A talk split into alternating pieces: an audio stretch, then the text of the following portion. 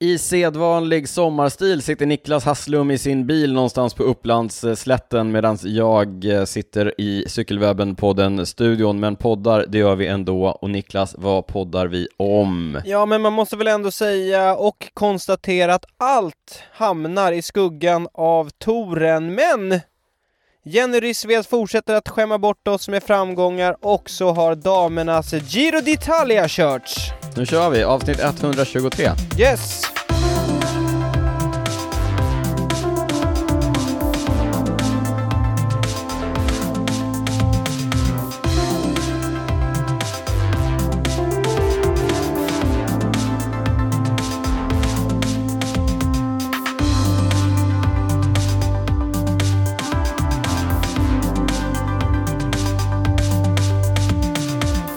Som sagt, varmt välkomna till avsnitt 123 av Cykelwebben-podden med mig Daniel Rytz, med dig Niklas Hasslum. Eh, vad säger du Niklas? Eh, vi var i Köpenhamn och tittade på Le Grand Départ. Ja, de det var vi.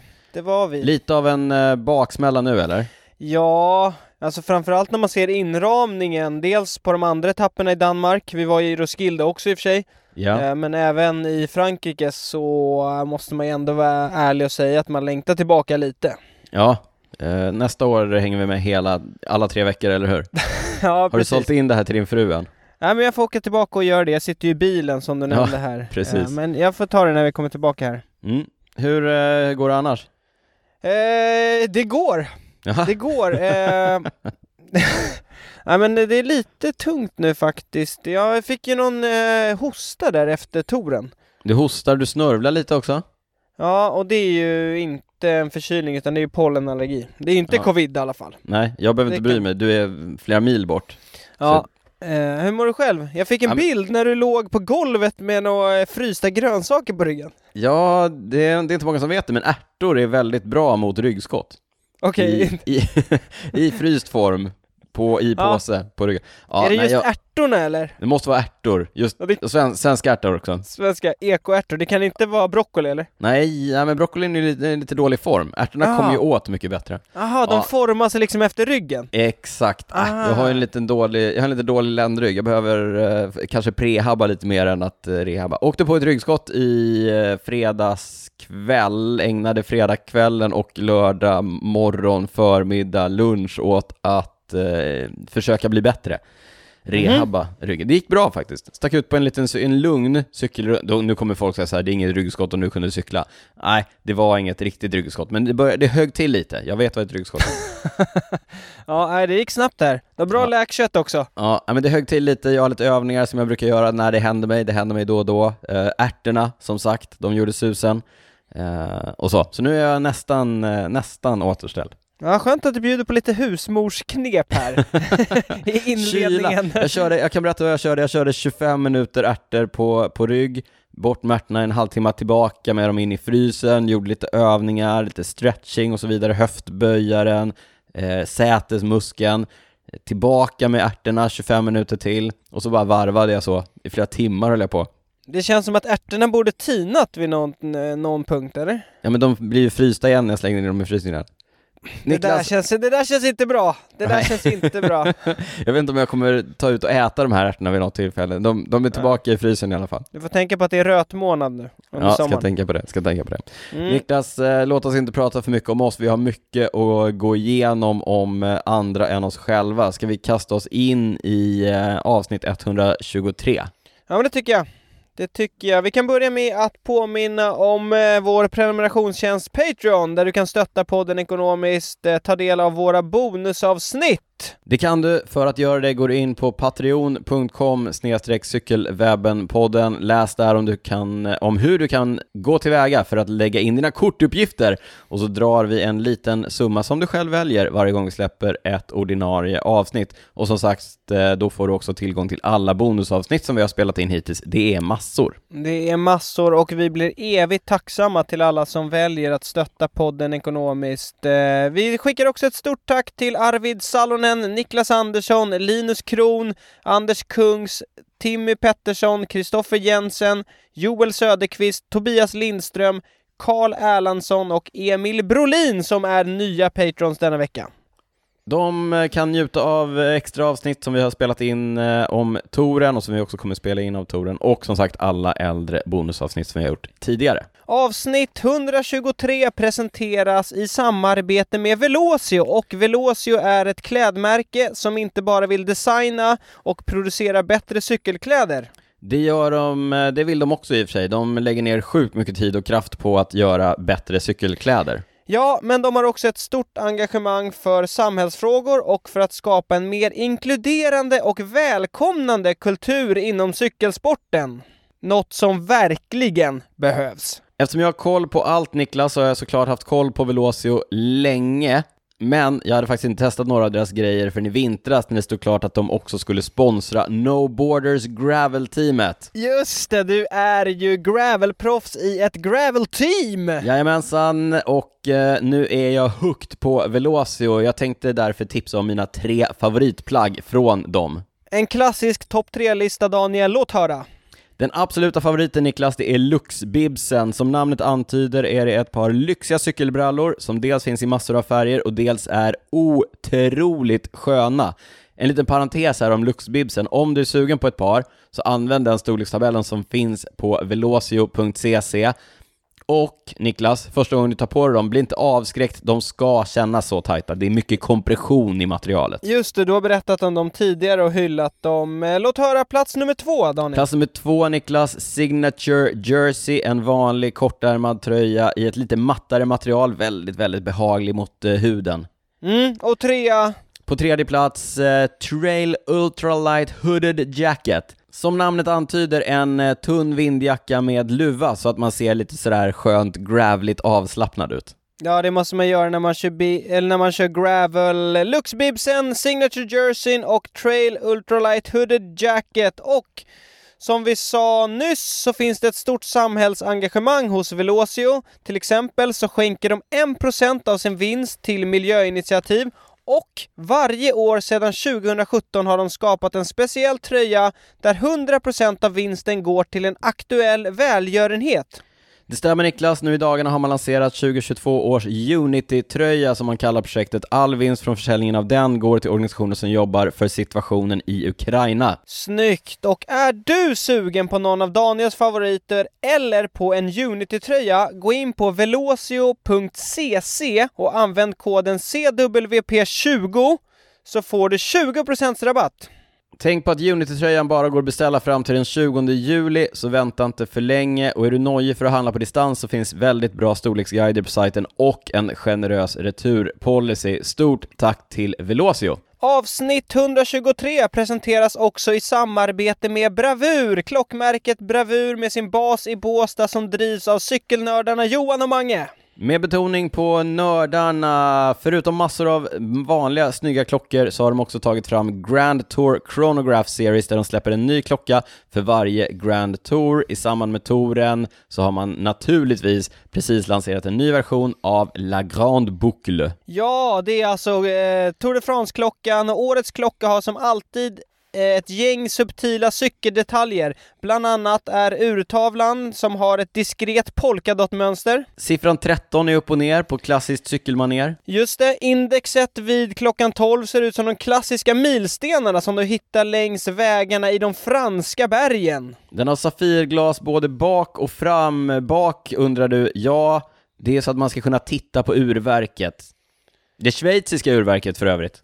Fantastiskt! Förutom de tre klockorna som de släpper i samband med Grand Tour sen så har de även släppt en specialklocka eftersom de sponsrar EF Education Easy Post. Så varje cyklist i laget har då en specialdesignad klocka. Och eh, vad vi har förstått så börjar det surras lite i klungan bland de andra teamen. Cyklisterna tittar avundsjukt på EF-cyklisterna. Ja, precis. Vi var ju med Johan och Mange i Danmark en utav dagarna och eh, förutom att ha lite andra grejer som de höll på med där nere så lämnar de över klockor till de båda kanadensarna i Israel Premier Tech, eh, Hugo Oll och Guillaume Boivin. Mange och Johan var tydliga med att påpeka att både Oll och Boivin faktiskt betalade för sina klockor, så att de var inte bara där och gav, gav bort massa freebies. Nej, precis. De köper. Nej. De vill se ut som EF-gänget alltså. Ja, så är det. Eh, vill du också se ut som EF-gänget eller köpa någon av uh, Grand Tour Chronograph uh, kronograferna? Gå in på bravurwatches.se, använd koden CWP så får du 2500 kronors rabatt på någon av bravurklockorna. Och viktigt att tillägga, koden gäller även på hela sortimentet hos Bravur. Bravurwatches.se. Stort tack till Bravur! Tack, tack. Innan vi kastar över oss eh, touren, Niklas, det har hänt en del annat. Det har körts U23 och junior-EM i eh, Portugal. Eh, Shirin van Anroy, du vet som kör i Trek Segafredo-stallet, hon eh, tog dubben i U23, men vi hade också lite svenskt deltagande. Låt höra! På damernas U23-linje, Julia Borgström 12, Caroline Andersson 17, Karin Söderqvist 19, alla tre tjejer topp 20, riktigt bra kört. Ja, det är snyggt.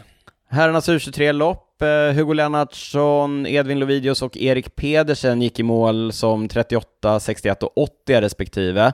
Filip Mård och Albin Stålberg tvingades tyvärr att bryta. Ja, sen hade vi lite tempo också. Ja, den svenska eh, silvermedaljören ifrån eh, Tempo-SM i U23, Edvin Lovidius, han kom eh, 32 Det blev en liten besvikelse tror jag för Edvin. Jag tror han hade teknikstrul under loppet där. Ja, jag tror han tappade kedjan på slutet tyvärr. Mm. I juniorerna körde Klara Sundgren och Axel Gilliam tempot, 15 respektive 40 plats. Och eh, juniorernas linje, där körde Johan Rydne, han blev 14, 40 Acke Dahlbom, Axel Gilliam och Paul Grejus fick tyvärr bryta. På damsidan blev Stina Kagevi 48, medan Felicia Israelsson, Alma Johansson, Klara Sundgren och Ella Wahlström eh, allihopa också fick bryta. Tuffa förhållanden och Ja, det var hård det, va? racing. Ja. Varmt, eh, men det jag tycker är väldigt kul eh, nu när du rabblar upp alla, det är ett stort deltagande från Sveriges sida. Stort gäng. Ja, men det är jätteroligt att eh, det svenska landslaget är ute och är aktiva internationellt. Ja, och det som vi alltid brukar säga, det är ju de internationella tävlingarna som krävs, liksom att man kör för att få erfarenhet. Det är otroligt viktigt. Yes. Eh, ett annat EM som också har körts, eh, vi har inte jättebra koll på det här, men jag har lyckats snappa upp att EM i BMX eh, kördes i, i Belgien nyligen och vi har en ny svensk Europamästare, nämligen i pojkar 14, Jesper Wahlberg. Stort grattis till Jesper! Snyggt! Tack, nöjd med den uppsnappningen Niklas. Du sa i inledningen att Jenny Rissveds fortsätter skämma bort oss med framgångar. Berätta mer om dessa framgångar.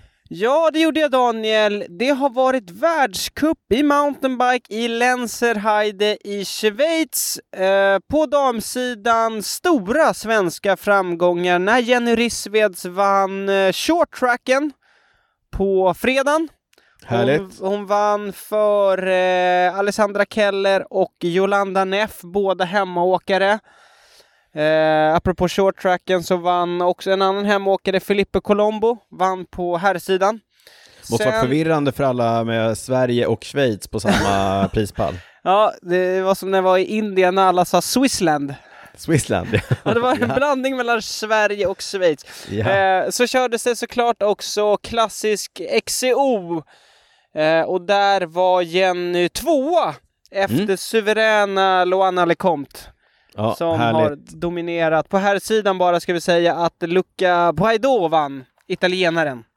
Härligt, grattis till eh, Jenny och grattis till oss som får följa en så fantastisk eh, cyklist. Eh, du, fler svenska framgångar, eh, men kanske inte lika oväntat. Eh, det har nämligen körts svenska mästerskap i kortbana, det vill säga Ja, det var skönt Ja. att det var svenska framgångar där. Ja, en himla tur. GP-SM helt enkelt. Kördes i samband med SM-veckan i Linköping. Det fanns stora förhoppningar på hemmaåkarna både i herr och damklassen. I herrklassen blev det lite, inte, lite grusade förhoppningar kan vi säga. Hugo Forsell, hemmaåkaren i CK Hymer, fick nöja sig med silvret, slagen i spurten av eh, Linus Kvist Motala på tredje plats, Hugo Lennartsson. Jag ska bara säga I- där att eh, bröderna Eriksson var ju med och satte... De animerade racet kan man säga. De satte fin färg på tävlingen, bland Ja, det annat gjorde de. de. Det var flera Ja. som körde offensivt och starkt. De, eh, alltså proffsen i rivalstallet, eh, Lukas och Jakob Eriksson. Eh, damklassen däremot, inga grusade förhoppningar utan eh, hemmaseger för tredje året i rad poddens kompis eh, Johanna Palmqvist, CK Hymer, eh, tog hem den segern. Tvåa Klara Lundmark och tre trea Matilda Francic. Ja, fantastiskt vacker seger av Johanna. Gjorde det snyggt också. Hon liksom fightade som positionen in till sista kurvan. Hon ville vara först in. Och sen på upploppsrakan så var det ju faktiskt ingen som riktigt eh, var nära.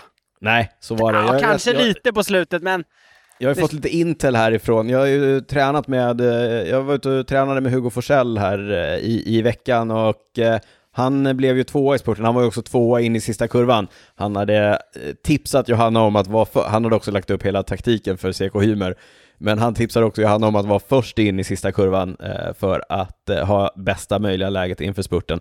Och det förvaltade hon väl. ja, han tipsade henne om att vara det, men han var inte det själv. Lev som du lär i fortsättningen Hugo Forsell. De körde ju innan, så att han hade ju facit så att säga. Ja, precis. Ja. Ja, kul! Stort grattis till både Linus Kvist och framförallt Johanna Palmqvist. Ja, men hon, är ju en, eh, hon har ju varit med i podden flera gånger. Ja, men En- jag är det.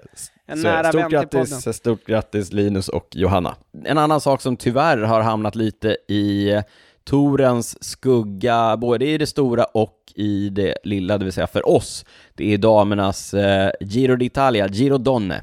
Ja, precis. Tio etapper och ska vi vara helt ärliga så har vi faktiskt inte hunnit kolla på... Nej. Det måste vi ändå säga det är, det är tråkigt men eh, så har det blivit nu med touren, semestertider. Tiden räcker tyvärr inte till. Ja men det är ju ändå bara vi två som gör den här podden och vi, det är begränsat med tid, men vi har ändå koll på hur det har gått sådär. Men, men en rolig sak här, det är ju att alla etapper har ju sänds på Eurosport och GCN, så nu har vi någonting att göra på trainen i vinter. Ja, eh, ska annat. du... Precis. Ska du börja och rabbla alla etappsegrare så får vi med dem? Ja men jag kan ju ta dem, det var, det var tio etapper, eller egentligen nio etapper och en eh, prolog och eh, prologen vanns av Kristen Faulkner, andra etappen Elisa Balsamo, sen var det Marianne Foss, Annemiek van Vleuten, Elisa Balsamo igen, Marianne Foss igen, Juliette Labou, Annemiek van Vleuten igen, Kristin Faulkner igen och eh, på sista etappen vann Chiara Consonni. Ja, och totalen vanns av eh, Annemiek van Vleuten. Före, Marta Cavalli och eh, Mavi Garcia från UAE. Marta Cavalli kör ju i efterski tillsammans med Emilia Fahlin. som också var på plats och eh, tog en hjälpryttarroll, ingen framskjuten individuell placering för Emilia, men vi vet att hon höll sig framme och gjorde ett eh, ordentligt jobb för laget under hela tävlingen. Ja, jag tror i och för sig hon var, var topp, jag tror hon var 11 på två etapper. Eh, men i totalen ingen framskjuten placering. Sen hade vi också Hanna Nilsson på plats och hon kom ju 19 plats i totalen. Ja, topp Så 20, topp 20, för ja. Hanna. Kul! Eh, det man kan konstatera är ju att eh, Annemiek van Vleuten hade ju som mål, liksom ett av hennes två stora mål, eller flera mål den här säsongen, det är att vinna dels Giro d'Italia och sen ska hon försöka vinna damernas Tour de France. Första målet avklarat, hon vann ganska komfortabelt eh, girot. Hon är halvvägs där. Vi kan också konstatera att Marianne Foss, efter att hon hade tagit två etappsegrar, eh, vek ner sig, och, eh, eller vek ner sig strategiskt, och åkte hem för att förbereda sig för damernas Tour de France. Det är ju första gången i modern tid, säger jag nu, första Mm. gången den här omgången som damerna ska köra Tour de France. Åtta etapper va? Ja, som drar igång samma dag som herrarna går i mål i Paris. Exakt. Ja, Eh, apropå Marianne Foss där, det var ju hennes 31 och 32 etappseger på girot. Väldigt imponerande, men som vi sa, det hamnar i skuggan av touren. ska vi kasta Tour oss in France. över Ja, Tour de nu France? är det dags Daniel, nu är det Ja. dags att ta tag i det här. Vi var som sagt i eh, Köpenhamn, de första tre etapperna kördes i eh, Danmark. Eh, Idag när vi, vi spelar in på en måndag för ovanlighetens skull, det är den första riktiga vilodagen, men det blev ju också en extra vilodag efter de tre första etapperna, så att Ja, precis, när de skulle ner från Danmark till Frankrike. Så exakt. fick de en vilodag däremellan. En Men har- resdag. En resdag. Det har körts nio etapper hittills. Eh, Tadej Pogacar är redan i gul totalledartröja. Han är också, U- han är också U23, så att han har också den vita ledartröjan, även om Tom Pidcock är den som cyklar i den vita ledartröjan. Han är två i den tävlingen. Simon Gerske, tysken i eh, Cofidis, har den prickiga bergatröjan och Wout van Aert har den gröna poängtröjan. Ja, Niklas, Ge- eh, Gerske tog ju över en eh, liksom bergatröjan igår. Ja, Eh, tidigare, sen starten i Danmark så har ju den eh, suttit på Magnus Kort Nielsen. i EF Education Easy Post Kort vann ju de första 11 bergsprisen tror jag.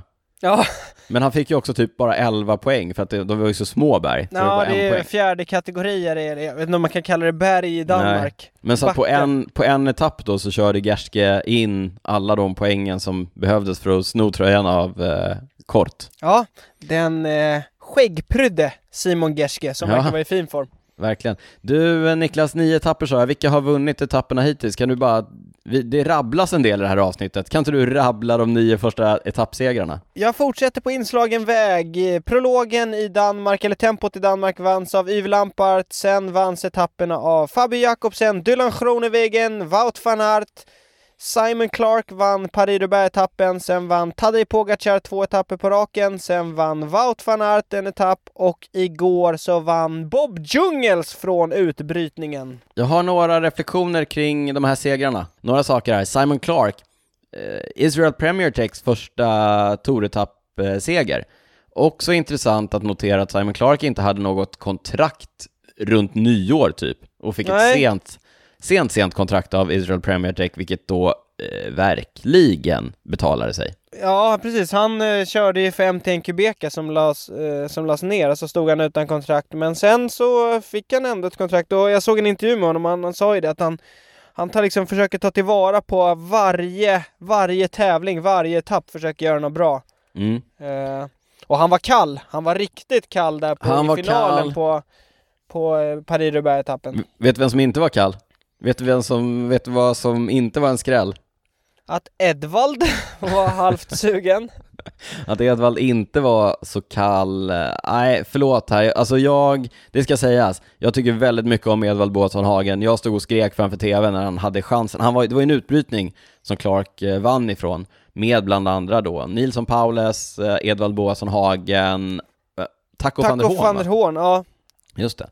Och Simon Clark. Ja, Det var de som var kvar där. Det var de som var klar, kvar. Edvald är ju på pappret i alla fall den bästa spurtaren i den gruppen, men han gjorde bort sig i finalen. Ja... Jo men det gjorde han väl det ändå. gjorde han. Det gjorde han. Samtidigt var han nog tvungen att ta ganska mycket ansvar eftersom du Han- som ja, du sa, han, jo, jo. han var ju den bästa spurtaren liksom. Men, men det, här, det här var ju problemet, han tog ju ansvaret men han gjorde det alldeles för sent. Han, eftersom han är den bästa spurtaren i, i den gruppen, så, så är det hans jobb att ta alla attacker. Mm. Eh, därför att vad ska de andra ta attackerna för, för att Edvald sen ska spurta om dem? Så att, nej, det var ju Paule som attackerade, Ja det är med dryga, vad var det, 800 meter ja med kvar? 800 och meter kvar ungefär, ja, och Edvald ser sig omkring och tycker att någon annan ska ta den. Och de andra sitter ju bara på hans hjul och är kalla. Ja, Och sen alltså, till slut så tar du, han det du menar är att misstaget han gjorde var att han väntade och tittade på de andra och sen tog han eh, luckan. Ja, ja. Han, skulle, Han han skulle gått. gått direkt. Han borde gått direkt. Ja, ja, men det kan jag hålla med om. Mm. Eh, sa- samtidigt är det också riktigt kyligt och det sa ju både Taco van der Horn och eh, Simon Clark efter att de litade ju på när attacken kom.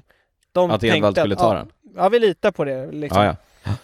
Eh, Nej men det är ju det, antingen, problemet, jag tycker att det, det som han gjorde fel var att antingen så gick han för sent, alltså att han försökte ta attacken för sent, eller så gick han för tidigt.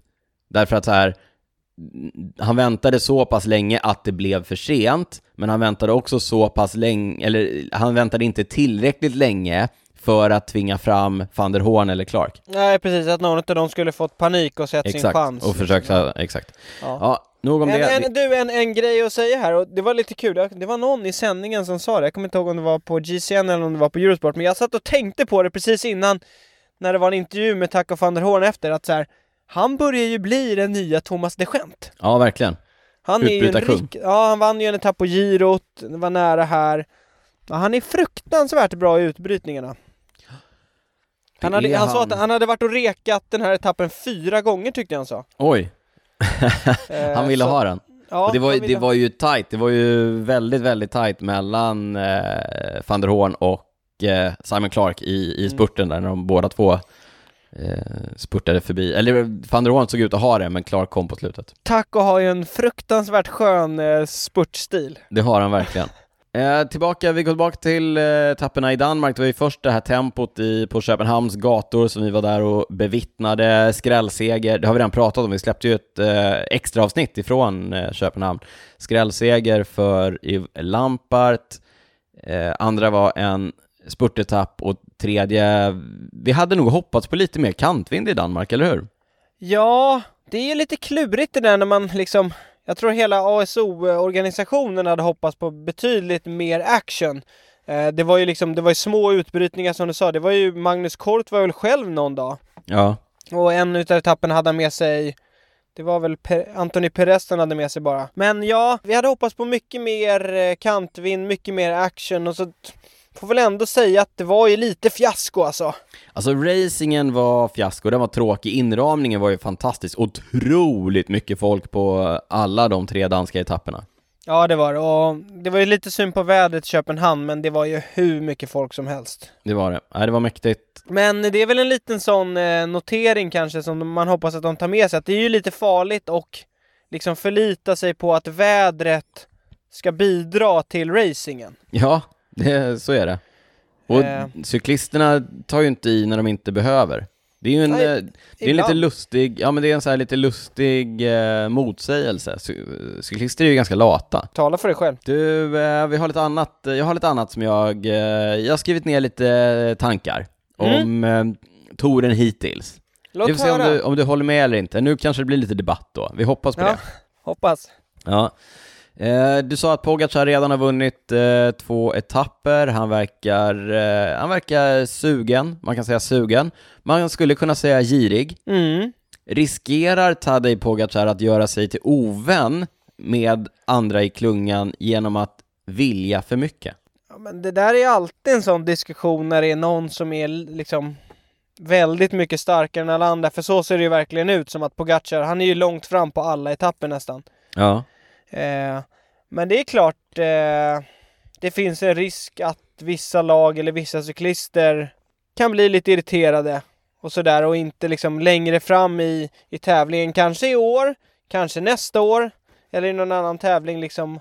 Man har det där i, i, i bakhuvudet att eh, ja, vad girig han var då, nu tänker inte vi hjälpa till här och här till exempel. Det är ju ändå så att kakan är ju bara så stor, så att säga. Det finns ju bara så mycket kaka. Och i professionell cykling så måste ju kakan på något sätt räcka till, eh, till alla på ett eller annat sätt. Men eh, om Pogacar ska ha en stor del av den kakan, då finns det ju mindre kvar för alla andra. Ja, men så är det ju. Och eh, det är något vi har ju sett de senaste åren att eh, på de stora Grand Toursen att det har blivit fler och fler utbrytningar som håller undan. Mm. Men så har det ju verkligen inte varit hittills i touren. Nej eh, men dels, alltså dels det, men också så här, de etapperna som han har vunnit är kanske sådana etapper som man tidigare inte har tänkt att den, ja men som du säger, det kanske är någon i utbrytningen eller det kanske är någon annan eh, bergspecialist eller någon stagehunter som, som vinner. Men nu låter liksom inte UAE eller Pogacar andra gå för etappsegrar, utan han ska ha det. Ja, ja, men det är också ett resultat av att han är så unik som cyklist. Han är ju liksom, han är bäst uppför, han är superbra på tempot. Han kan spurta. Ja, han kan liksom spurta också. Det var väl det som eh, var den här etappen till, eh, det var till Los, nej inte Lausanne, det var ju någon etapp han vann här nu när han, han liksom vinner mot Michael Matthews i en spurt. Och där men... är han ju unik liksom när det kommer till de här som kör för totalen. Att han Just kan det. vinna sådana etapper också. För, för att eh, motsäga mig själv då, så slipper du göra det.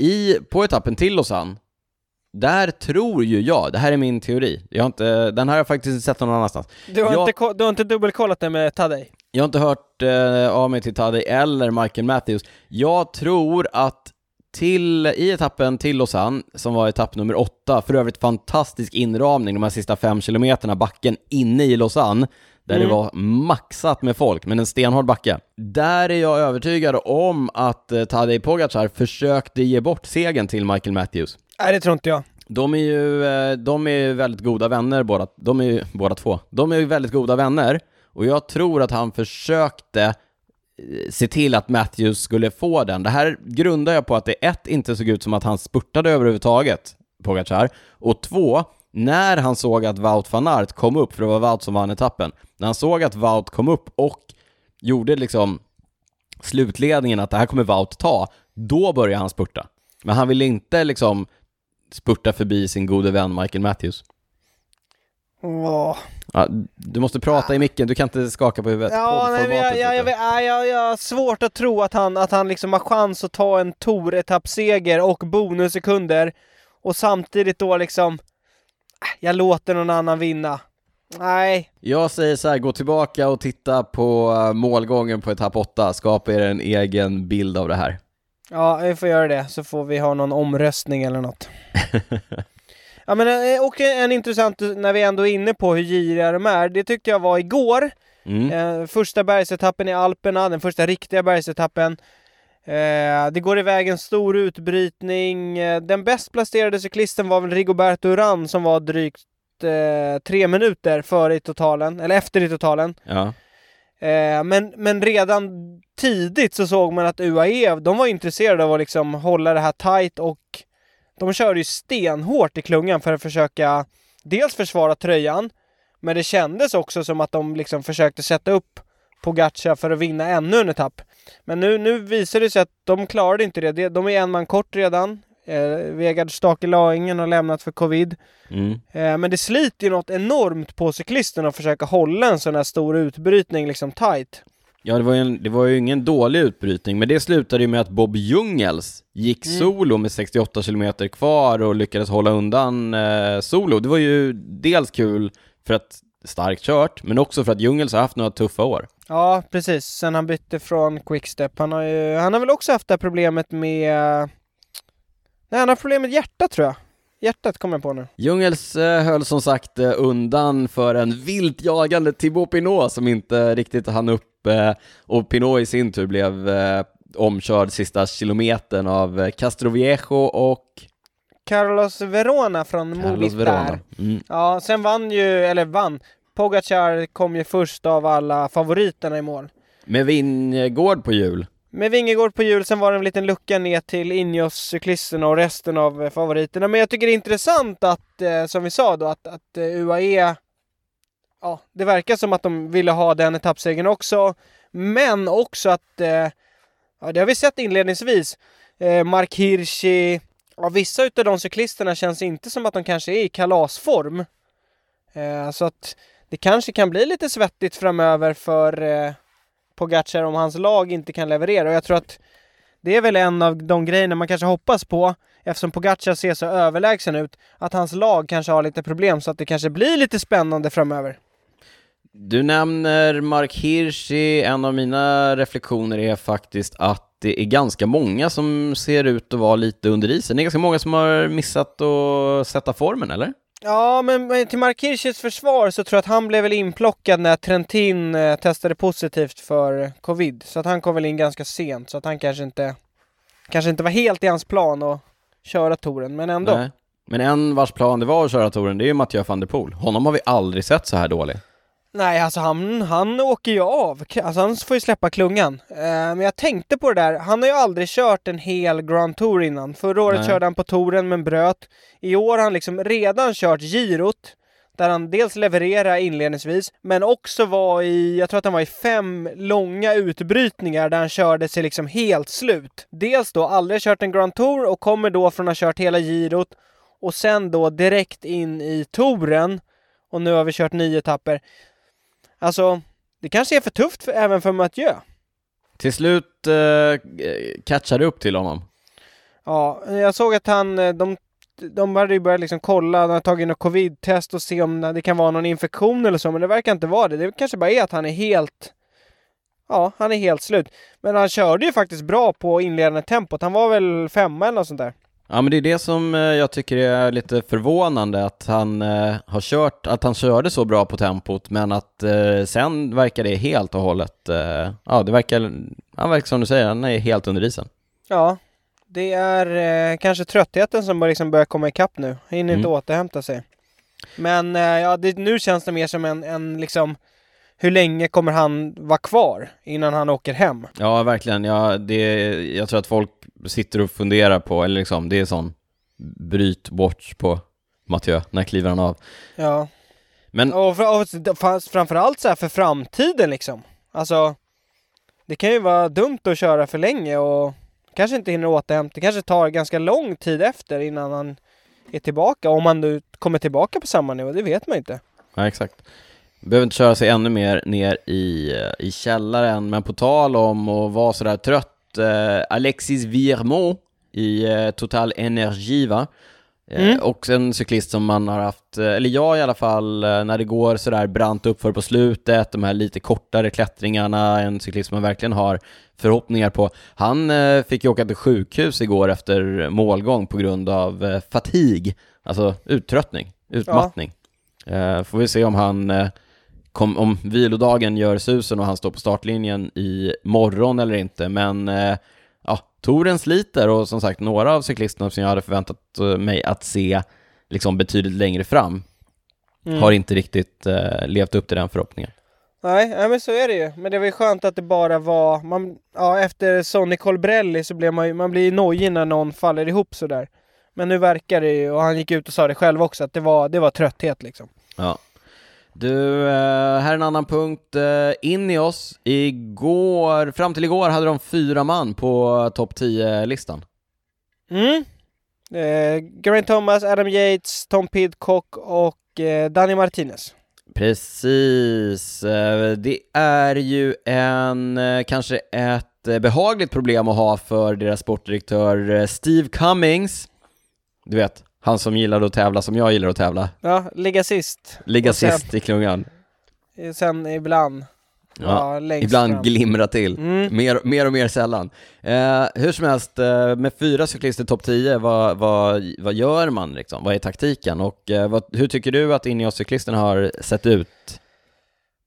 Ja, Men Geraint Thomas slarvade ju på första etappen och råkade köra tempot i sin eh, väst. Jag återkommer till det i prylsvepet Niklas. Ja, eh, nej men annars har de väl, de har ju som alltid, Ineos är långt fram.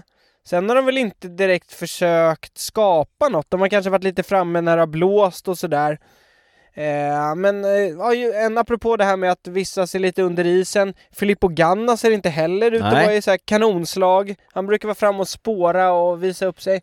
Eh, men sen hade man väl kanske hoppats att de hade försökt göra något på någon av de här eh, etapperna med målgång upp för nu. Planche de Belfi eller, eller igår, men nej, det känns inte, det känns som att de avvaktar. Att Ja, men de är helt sparar klart på- krutet. Ja, men ja, det känns som att de är på, inte på defensiven, men de, de försöker följa istället för att skapa. Och det gör de ju Ja. ganska bra hittills. Jag tycker att eh, Geraint Thomas ser väldigt bra ut, eh, även Adam Yates och eh, Tom Pidcock. Igår så fick däremot eh, Danny Martinez ge sig, och det här är intressant med Ineos, när Danny Martinez då ger sig, det vill säga får släppa tät, eller gruppen med, med de stora favoriterna, då är det inte så att han kämpar på för att minimize his losses, utan då släpper han och börjar redan tänka på att återhämta sig till nästa etapp. Ja men precis, och han kommer ju få, nu, har, nu är de bara två kaptener kvar med Yates och, och Geraint Thomas. Nu blir Ja, han och Pidcock i en fri, en fri Ja, roll precis. där som... Så nu blir han en, en hjälpryttare. Men Men Martinez, han släppte alltså 15 minuter igår kan vi säga. Ja, På Ja, sista, men alltså- i sista klättringen typ. men det jag tycker är så här lite risky, det är ju att både Yates och Thomas, de tappar ju några sekunder här och några sekunder där på Pogacar. Det gör de. här, det, det är ju... Det är klart man ska sitta med och så, men någon gång kommer de liksom behöva försöka utnyttja att de är två. Att de kan liksom spela one-two-grejen. Ja, alltså att man attackerar och kontrar. Ja, men och precis. Att de lite liksom agerar istället för att bara försöka reagera på det Pogacar och, och Ja. UAE gör. Eh, Men, men helt ärligt, om man bara tittar på hur eh, det har sett ut hittills med de eh, få bergsetapper, eller få tuffa etapper som har varit, och så tittar vi på hur Tadej Pogacar och Jonas Vingegaard har sett ut. Förlåt, det hade ju varit lönlöst för Geraint Thomas eller Adam Yates att försöka sig på någonting. Ja, men det, ja, precis. Och så är ju känslan. Mm. Att eh, Pogacar känns liksom above the rest. Eller liksom han känns top notch. Och Vingegård är liksom snäppet under. Och sen är det ett liksom glapp till, till resten av gänget. För jag kan ju tänka, jag kan ju liksom tänka mig att eh, en, en, en bra strategi för Ineos här kan ju faktiskt vara att avvakta tills man börjar se kanske en liten, eh, vad säger man, spricka i eh, rustningen hos eh, Pogacar innan man gör någonting. Därför att som jag sa så här, hade man försökt någonting nu, det hade ju bara varit att, att slösa bort energi. Ja, kanske. Sen är frågan också om den här liksom sprickan i rustningen hos eh, Pogacar någonsin kommer. Nej men exakt. Men, men så här, ja, och då kan man säga så här, ja men, och ni borde ha försökt. Ja, eller så kanske man inser att Geraint Thomas kanske inte är en, en torsegrare som kan vinna mot de bästa när de är som bäst. Utan Nej. han kanske faktiskt är någon som kan vinna när det dyker upp sprickor. Mm. Men man hoppas ju lite just med Geraint Thomas att han, för jag såg en intervju med honom också, han sa ju det att han har liksom vunnit touren, han har liksom redan åstadkommit det så han har egentligen inget att förlora. Och det kanske man kan hoppas på någon av de eh, bergsetapperna som kommer att han att han kanske testar lite tidigare i liksom näst sista klättringen eller något och försöker. Mm. Men vi får se. Ja, Men det är kul, kul, kul med Pidcock också, han sitter ju med bra liksom. Ja, Han har ju ändå haft det ganska... Jag hade lite förhoppningar innan kanske om att han skulle vara lite som Wout liksom. ja, Och vara med långt fram på många etapper och, och Mm. liksom göra upp om etappsegrarna. Men det, har, det känns som att han liksom har chillat lite de första dagarna. Och nu börjar... Ja men ändå liksom, han satt ju med bland favoriterna igår. mm. Det är ju Eh, hans första, det är hans första Tour de France, han är där för att se och lära, men han har också sagt att han kan inte bara se och lära, han måste liksom, han måste med och köra, han blir uttråkad annars. Ja, det är lite hans grej. Ja. Hur bra är Jonas Vingegård? Eh, han känns ju väldigt, väldigt bra. Mm. Han körde jättebra på tempot, vilket var ganska oväntat tyckte jag. Ja, Eh, sen har han ju... Han har väl klarat sig igenom hyfsat. Han tappade ju lite tid på... Han fick ju en punka där på... Eller en krasch på Paris-Roubaix-etappen när de jagade. alltså vi hade ju, det var, vi har inte pratat om här, men Paris-Roubaix-etappen var ju parodisk för eh, Jumbo-Visma-stallet. Ja, de, Därför- de, de fick ju problem med både Roglic och Vingegård. Exakt, och Roglic kraschade, drog axeln ur led, drog axeln rätt på egen hand. Han fick sätta sig på en eh, stol, någon sån här tältstol som någon eh, åskådare hade och dra den rätt. Jag har ju dragit, jag har ju ett problem med en axel, jag har ju dragit ur led massa gånger. Det är inte jättekul. Eh, och jag skulle inte vilja köra en Tour de France efter att ha behövt göra det där. Nej. Eh, men eh, Roglic har ju tappat så pass mycket att Vingegård nu väl är ensam ledare i eh, Jumbo-Visma. Ja, det känns väl som det. Samtidigt, Roglic, han är ju, vad är han, två och en halv minut efter. Han verkar han, han sitter fortfarande med liksom. Mm. Han har ju inte helt gett upp. Eh, Nej men så är det. Men, men Vingegård har ju också varit den enda som har kunnat följa Pogacar när han har eh, spurtat för bonussekunder eller så. Då är han den enda som har lyckats hålla hjul på Poggi. Ja, så är det ju. Och han känns väl som faktiskt utifrån då om man ser på de etapperna som varit på idag, den, den andra vilodagen, så känns det som att han är den enda riktiga utmanaren. Ja men det håller jag med om och om vi fortsätter titta på eh, teamet då så, har ju, så kör ju Wout van Aert där och han har ju haft en, uh, vilken början på touren han har haft. Ja, det är väl förutom Pogacar och Magnus Kort så är väl det, det är liksom den cyklisten vi har sett mest av. Han har ju varit i, eh, ja, han har synts. Han har synts och han har inte, etappen han syntes mest på, vilken var det när han vann eh, solo? Ja men det var ju den till, eh, det var etapp nummer fyra va? Mm. Första etappen i Frankrike när alla förväntade sig en, en spurt. Ja. liksom spurtuppgörelse, men där Jumbo-Visma drog på, precis som de gjorde på Paris-Nice faktiskt. Kommer du ihåg det? ja, absolut. Upp för sista klättringen så körde de i princip ett spurtuppdrag med eh, tre, fyra cyklister som bara maxade. Och den enda som... Eh, ja, nu, nu lyckades de ju inte komma loss med som de då gjorde med tre stycken, utan nu blev ju Wout van Aert solo och höll undan eh, på egen hand sista typ milen. Jag såg någonstans att han snittade 61,7 eller så här sista, från toppen av sista backen in i mål. Så det är så sjukt. Ja, det, ja. Vi det kommer inte för, det vi var ju ut för en bra bit, men Jo, precis, men vi kommer inte ens upp i 60 liksom. nej, helt, helt, helt otroligt. Och ja men liksom solo i den gula ledar tempodräkten och eh, han är ju Red Bull-sponsrad va? Tänkte du på Ja. den målgesten? Ja, Han flaxade ju som en ja, fågel precis. Ja, Ja. det där fick jag nog en liten extra bonus också. Ja, det var nog ingen som grät på Red Bulls högkvarter när de såg det Nej, precis. De eh, gillar ju det här med vingar.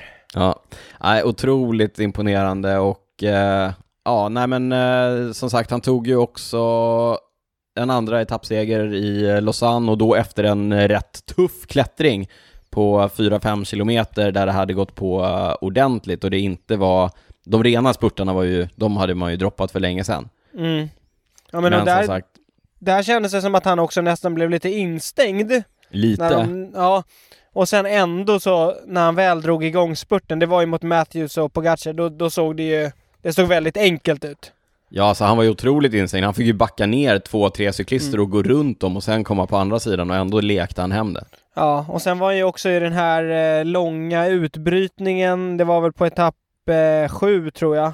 Eller sexan kanske det var. Ja, lite, lite, det går att ifrågasätta taktiken när han blev av med den gula ledartröjan, för då stack han ju en lång utbrytning Ja precis, det, det är den jag menar. Det är den jag menar. Det var ju, ja, det var rätt märkligt gjort. Det var märkligt gjort, för hade han bara suttit i klungan, då hade det varit, jag säger 90% chans att han hade behållit eh, ledartröjan. Ja, framförallt, det var ju den etappen som Pogacar vann spurten i. Så att Ja. den, då hade förmodligen han också liksom tagit den etappsegern. Ja, Så exakt. det som hände liksom, från att han kanske hade tagit en etappseger var att de blev av med tröjan till Pogacar istället. Så det var ju Mm. lite märkligt. Det enda kanske som var positivt, det var väl att hans lag, som egentligen då kanske skulle liksom jobbat i klungan och försvarat den gula ledartröjan, de kunde sitta och chilla eftersom de hade Wout högre upp. Men det, det var märkligt faktiskt.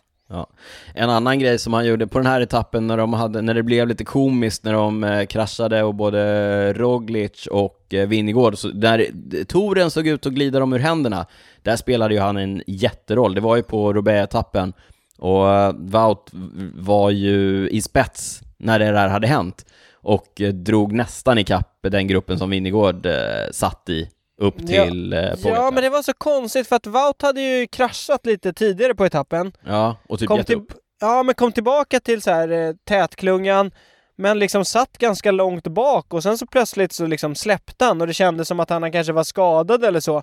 Mm. Och sen då plötsligt liksom när Vingegård behövde hjälp, då fick han liksom superkrafter igen och typ själv drog i kapp kändes det som, som han drog i kapp Vingegård. Och sen gick han ju ner och försökte hjälpa Roglic också så att Ja, det, det var imponerande liksom, men det var ju lite konstigt också att han ena stunden nästan gav upp och såg ut som att han var helt slut och sen så plötsligt så bara Ja, hade Ja. han power igen.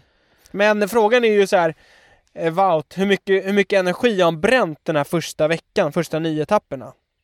Ja, verkligen. Det ska bli spännande att se vad han har kvar vecka två och tre här. Ja, och frågan är också så här, vad har det kostat för Jumbo liksom? Ja, Det känns som att han kan ju vara viktig framöver. Men har de gapat för mycket nu? De ville ha gult med Vingegård eller Roglic och det var ju ett mål att han ska ta den gröna tröjan.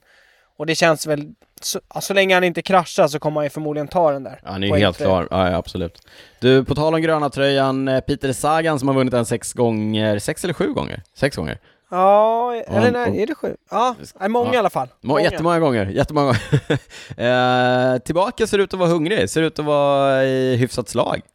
Ja, han har ju varit långt fram på många utav etapperna och lite, lite oväntat faktiskt. eh, Mm. Att, så här, att se honom så bra. Sen tyckte jag det var kul den här etappen. eh, Det var någon etapp när han, eh, han blev lite stängd i spurten. Det var ju någon av de eh, etapperna i Danmark. Han blev stängd, pekade lite på Wout van Aert och eh, man behövde inte ens vara läppläsare för, För att... att se vad han sa. Nej. Det lämnar vi till något annat. Ja, eh, Någon, ni får gå tillbaka och kolla på det. Men det är också kul att, att liksom Peter Sagan som han, han tar ju, liksom inte för att överdriva, han tar ju för sig i spurterna. Ja. Han gillar att flytta på folk, det är vassa armbågar och så. Och då var det ändå lite kul när han liksom ska klaga i spurten på, Ja. på Wout liksom. Alla, ja, det, var, det har du helt rätt i. Niklas, eh, en vecka avklarad, två kvar. Vi är eh, fortsatt peppade på att eh, se vad som händer i eh, touren. Eh, Vi rullar vidare och eh, vi kör ett mini-prylsvep va? Ja, blir det tycker jag. Att, eh, wrappa upp. Eh, Du nämnde innan, Geraint Thomas eh, körde första tempoetappen i en eh, vindväst. Ja, Eh, alltså det och det var är ju... inte meningen. Nej, det var inte meningen. Det, det var ju som vi sa, det regnade första etappen. De rullade, vi var ju vid bussarna. Ja, Och det var väl, det kanske varit några hundra meter mellan bussarna och starten. Eh, så de flesta rullade ju med någon väst dit, satt sig där och väntade på, på starten och då eh, förmodligen blev det liksom, det var för mycket att tänka på så han glömde att ta av sig den där. Precis, eh, väldigt, väldigt roligt. Så mycket pengar som deras sponsorer BioRacer lägger ner på att forska fram de här tempodräkterna så att de är så snabba som möjligt. Tydligen så hade de alltså haft en sömmerska på plats dagen innan för att du vet, ta in det allra sista så att den verkligen smiter åt och verkligen är så snabb som den kan vara. Och så Du, race day du, du, kommer... apropå, apropå det där, Mm. en intressant grej. Vi, vi var ju vid bussarna som vi sa. Vi såg när Geraint Thomas värmde upp, vi såg när Ganna värmde upp. Vi såg ju också när, när Geraint Thomas var klar med sin uppvärmning, när han gick in till bussen, Ja, då såg man tempodräkten hängde ju lite på ryggen. Och Ja. det, det var ju så alltså då, då förstod man ju att den är så sydd ut efter när han sitter i tempoställningen liksom. ja, ja. ja. Att Ja, den hängde den- över, ja, ja, framåt. Ja, Mm. precis. Passformen när han stod upp var helt liksom kass, för, men då Mm. var den liksom helt sydd för att han ska sitta på cykeln. Just det. Eh, Men, men som du säger, det, det, är fantastiskt roligt på något sätt ändå. Att de lägger så mycket pengar på allt och sen så har de ingen, eller liksom, jag vet inte om de ens behöver någon, eller uppenbarligen behöver de ju det, som bara står och kollar honom liksom när han ska iväg. För att det får inte Snart har de hända. det. Alltså det där är ju inte ens marginal losses, det där är ganska stora losses. De har ju Dan Bigham, du vet, eh, Aero-nörden som jobbar för dem. Han skulle tydligen räkna på mm, hur mycket tid han förlorade på det. Ja. Du vet, jag har hört någonting, du vet 30-40 sekunder som de tror att han kan ha tappat på det här. Det kanske är att ta i lite, Ja. men ändå. Det är, det är sekunder som är dumma att ge bort. Ja, äh, det är ju komiskt. Det, sen var det i och för sig, sen... Det, det blev ju ändå till något positivt, för jag tror han, eh, de eh, lottade väl ut den där, eller sålde den och Nej, pengarna de- gick till välgörenhet va? Ja men nu gör de en grej av det, den, de skickar den mellan fans eh, det från det etapp till etapp och sen efter touren ska de sälja den för, för välgörenhet. Ja. F- fruktansvärt klantigt. Fruktansvärt klantigt. En lite roligare prylnyhet som vi har sett, eh, Canyon håller på och eh, kommer snart officiellt släppa sin nya Ultimate, kanske till och med idag, det brukar ju hända grejer på vilodagarna. Ultimate, deras klättrarhoj, Niklas Hasslums eh, favorit. Jo, Eh, nu har vi sett lite mer av den, den kommer med samma styre som uh, Arrow, den, du vet en sån här som man kan justera i, i breddled. bredd, precis. Be, Och den här-. Mm. Ja exakt, och den här styrstammen som man kan höja och sänka utan att behöva kapa gaffelröret. ja. Eh, och det här är ju, dels är det ju, man kanske säljer in det som praktiskt och snyggt, men anledningen till att man har utvecklat de här är ju för att man fortsatt ska kunna sälja cyklarna på postorder till kunder, kunna skeppa dem i de här kartongerna, samtidigt som man har integrerade vajrar. Mm. Eh, Annars hade det varit för mäckigt. Annars är det för mäckigt för kunden att på hemmaplan bygga ihop den. Eh, mer om eh, nya Ultimaten från Canyon framöver när vi har lite mer fakta om vad det är de har släppt. Mm. En annan prylnyhet som vi inte tänker på så ofta men som vi blev uppmärksammade på av eh, poddens kompisar på Dometic, du vet det svenska företaget som gör eh, kylboxar bland annat, Ja, som alla team använder. Eh, många i alla fall. Det var det vi blev uppmärksammade på, att alla team, i princip alla team, kör eh, kylboxar från svenska Dometic och vi körde ju en eh, tävling på Instagram tillsammans med Dometic som var superkul, stort engagemang från er där ute, ni vet, vi glömde säga det här Niklas, vi var stressade. Man kan följa oss på snabel cykelwebben, Mm. det här vet folk redan, de vet hur man hittar folk på sociala medier. Men jag tycker om man inte följer oss på Instagram så bör man göra det, för det kommer två tävlingar framöver. Det kommer två tävlingar framöver. Och det har varit en. Det har varit en. Stort engagemang, många som ville vara med och tävla. Vi, säger, vi lovade att vi skulle berätta vem som vann här i podden, så vi säger stort grattis till Simon Cyklar som eh, vann tävlingen och eh, kommer få en superfin kylbox ifrån Dometic. Ja, stort grattis till Simon som också hade en rolig referens till när vi var på touren förra året och räddade livet på världsmästaren Ja, det vågar Julian jag säga. Alaphilippe. Det vågar jag säga. Ja. Eh, på tal om tävlingar, på tal om Instagram, eh, vi skickar ett stort tack till Velocio som är med och sponsrar det här avsnittet och håll ett öga på cykelwebben på Instagram. Det kommer att dyka upp en tävling tillsammans med Velocio där. Gå in på velocio.cc, kolla in mina favoritplagg, använd koden CWP20 för 20% rabatt. Vi passar också på att skicka ett stort tack till Bravur Watches. Gå in på bravurwatches.se, använd koden CWP, då får ni 2500 kronors rabatt på hela sortimentet.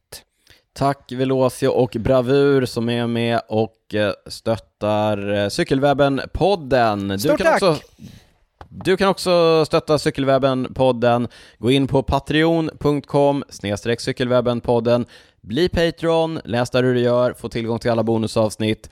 Få också vår eviga tacksamhet. Det börjar närma sig slutet på eh, avsnitt 123, Daniel. Det gör det.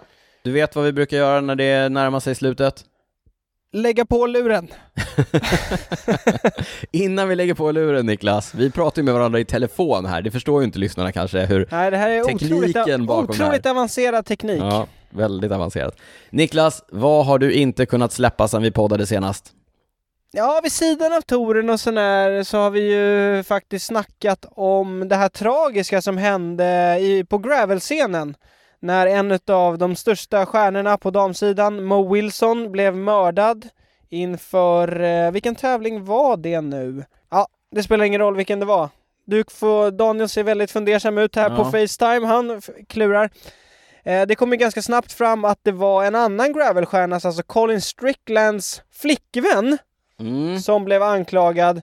Men tack vare polisstrul så lyckades hon... Eh, hon var inne på förhör men lyckades liksom, de kunde inte anhålla henne.